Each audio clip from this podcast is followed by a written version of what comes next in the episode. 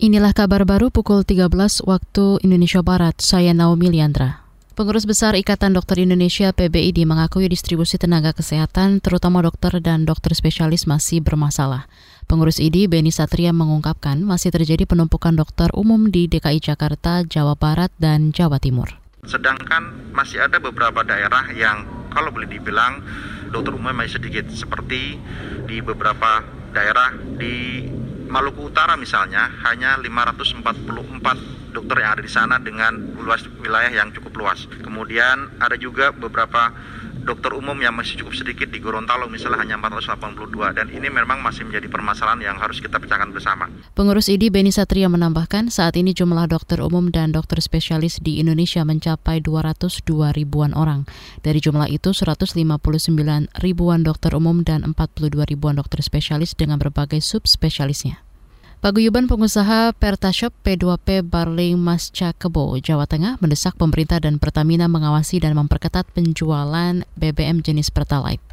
Menurut Ketua Paguyuban Pengusaha Pertashop Barling Mas Cakebo, Budi Sadewo, Pertalite masih dijual bebas di Pertamini maupun kios bensin eceran. Kata dia, longgarnya penyaluran Pertalite mengancam pengusaha Pertashop. Kenaikan Pertalite pun juga akan membebankan ke masyarakat. Yang jelas, Pertalite ini kan sudah menjadi JPKP mas, dalam arti subsidi. Dan itu sudah ada aturannya bahwa kalau subsidi ini, penyalahgunaan barang subsidi ini harus benar-benar ditindak sesuai dengan aturan yang ada.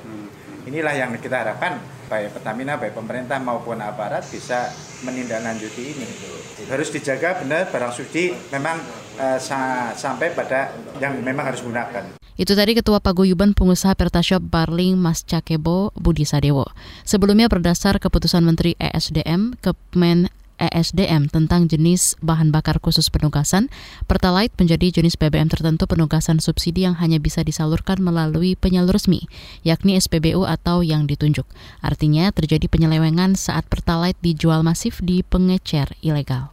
Kita ke berita luar negeri. Salah satu negara di kawasan Pasifik, Vanuatu, mengumumkan darurat iklim karena sejumlah pulau di negaranya terancam tenggelam. Perdana Menteri Vanuatu Bob Logman dikutip dari AFP mengatakan, permukaan laut yang naik dan cuaca buruk sudah tidak proporsional mempengaruhi Pasifik.